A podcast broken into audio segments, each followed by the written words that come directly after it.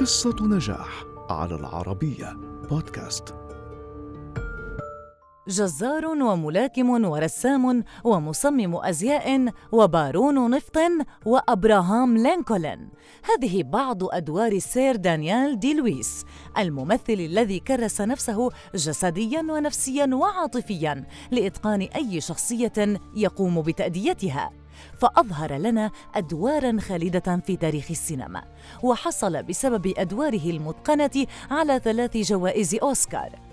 ولد دانيال دي لويس في لندن عام 1957 لعائلة ثرية وكان والده سيسيل دي لويس كاتبا وشاعرا ووالدته كانت الممثلة جيل بالكون. كان دلويس مشاغبا في صغره فدفع سلوكه السيء والديه إلى إرساله إلى مدرسة داخلية فكانت بداية تعلقه بالتمثيل. فشارك في العديد من المسرحيات المدرسية التي كان لها دور في صقل موهبته.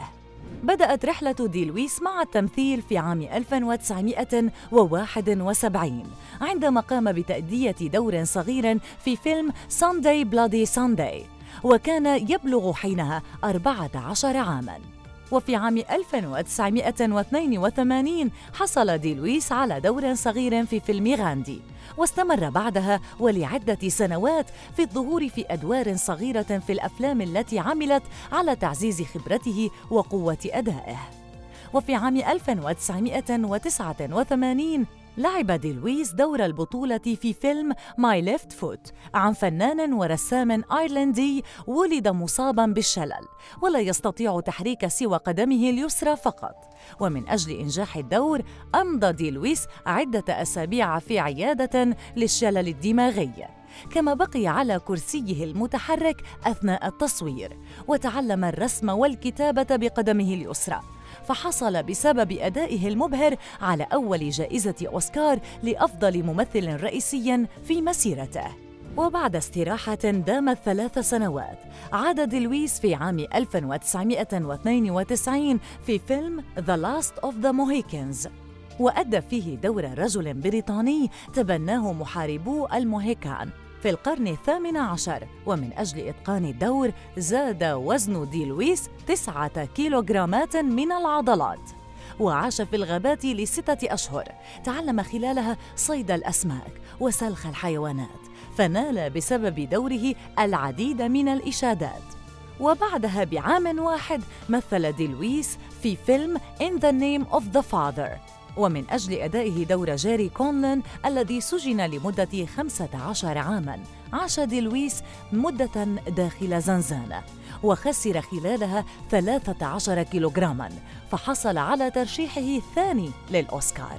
انتقل دي لويس إلى إيطاليا في عام 1997 بعد أن ابتعد عن الأضواء لمدة خمس سنوات. وتعاون مرة أخرى مع المخرج سكورسيزي لأداء دوره الأيقوني بيل الجزار في فيلم Gangs of New York فاستأجر دي لويس فنانا من السيرك ليعلمه كيفية رمي الخناجر.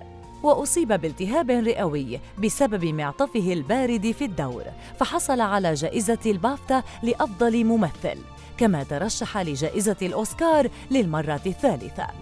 وفي العام 2007 حصل دي لويس على جائزة الأوسكار الثانية في مسيرته بعدما قدم أداء تاريخيا في فيلم There Will Be Blood لكن هذا لم يمنعه من تقديم مزيد من الأدوار العظيمة. فقام في عام 2012 بتقمص دور الرئيس الأمريكي أبراهام لينكولن في فيلم لينكولن. وحاز على جائزة الأوسكار الثالثة ليدخل التاريخ كونه أول ممثل يفوز بجائزة الأوسكار ثلاث مرات. وبسبب عطائه المميز قام الأمير ويليام دوق كامبريدج في عام 2014 بإعطاء دي لويس لقب فارس في قصر باكنغهام وأصبح السير دانيال دي لويس. بعد أكثر من أربعة عقود من التمثيل صدم دانيال دي لويس العالم بإعلان اعتزاله تاركا وراءه أدوارا لن تمحى من ذاكرة محبي السينما وجعلته واحدا من أعظم ممثلي هوليوود في التاريخ. إن لم يكن أعظمهم.